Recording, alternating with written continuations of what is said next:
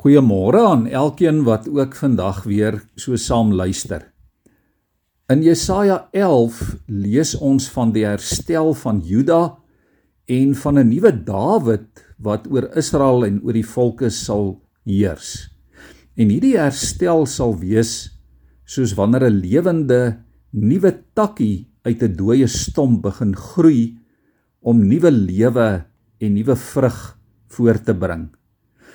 Jesaja 11 vers 2 sê: Die gees van die Here sal op hom rus, die gees wat wysheid en insig gee, die gees wat raad en sterkte gee, die gees wat kennis verleen en eerbied vir die Here. Hierdie teks verwys natuurlik na 'n redder wat sou kom vir die volk, 'n afstammeling van Dawid, 'n takkie wat sal uitspruit en vrugte dra. Natuurlik word dit volbring in die koms van Jesus, die een op wie die gees van God rus. Liewe vriende, natuurlik is dit ook waar van elkeen van ons wat kinders van God is. Ons wat in God glo. Want elkeen van ons sê die woord het die Heilige Gees ontvang. Aan elkeen van ons gee die Gees wysheid en insig en raad en sterkte, kennis en eerbied vir die Here. Soos wat hierdie vers in Jesaja 11 ook tereg sê. Ons het dit so nodig in hierdie tyd waarin jy en ek vandag lewe. Dis so 'n uitdagende tyd, 'n tyd wat regtig van ons soveel wysheid en en kennis en vaardighede vra. Die Gees sê die Here, laat ons vrugte dra. Die Gees stel ons in staat om God se wil te kan doen en hierdie Gees woon binne in jou en in my. Kom ons dink net ver oggend daaraan hoeveel krag daar in jou en in my beskikbaar is. Sagaria 4 vers 6 sê: Nie met mag en krag sal jy slaag nie, maar deur my gees sê die Here die almagtige ja God rus vir jou en vir my toe sê die woord met sy gees met die krag van sy teenwoordigheid.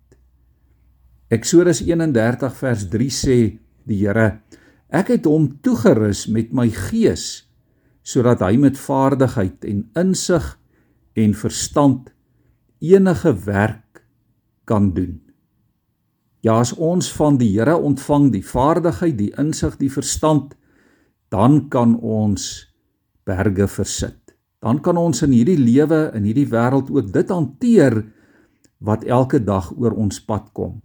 Of dit uitdagings is, of dit werksomstandighede is, of dit siekte is, terugslag, moeilikhede, die gewone uitdagings van die lewe, wat ook al, kan ons hanteer deur die krag en die teenwoordigheid van God. Ja, so is die Gees ook in my en in jou as kinders van die Here aan die werk. Nie net om groot geestelike werke te doen nie, maar om sommer ook net jou gewone dagtaak met vaardigheid, met insig, met vreugde, met onderskeiding te kan doen. Die Gees van God gee dit vandag ook vir jou. Wysheid insig, raad, sterkte, kennis en eerbied vir die Here. Dit wat jy vandag nodig het om tot eer van God te lewe. Kom ons besef dit en kom ons onthou dit vandag en laat die Gees toe om beheer te neem ook van jou doen en late. Ons buig ons hoofde voor die Here. Hemelse Here, dankie vir hierdie wonderlike genade.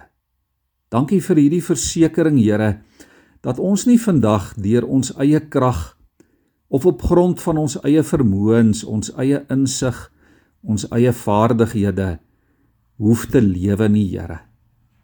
Want ons is maar mense. Ons is mense wat afhanklik is, mense wat foute maak, wat gebreke het en tekortkominge. Ja Here, mense wat so beperk is in ons eie insig en in ons eie vermoëns, in ons eie wysheid. Here, dit skiet so ver te kort.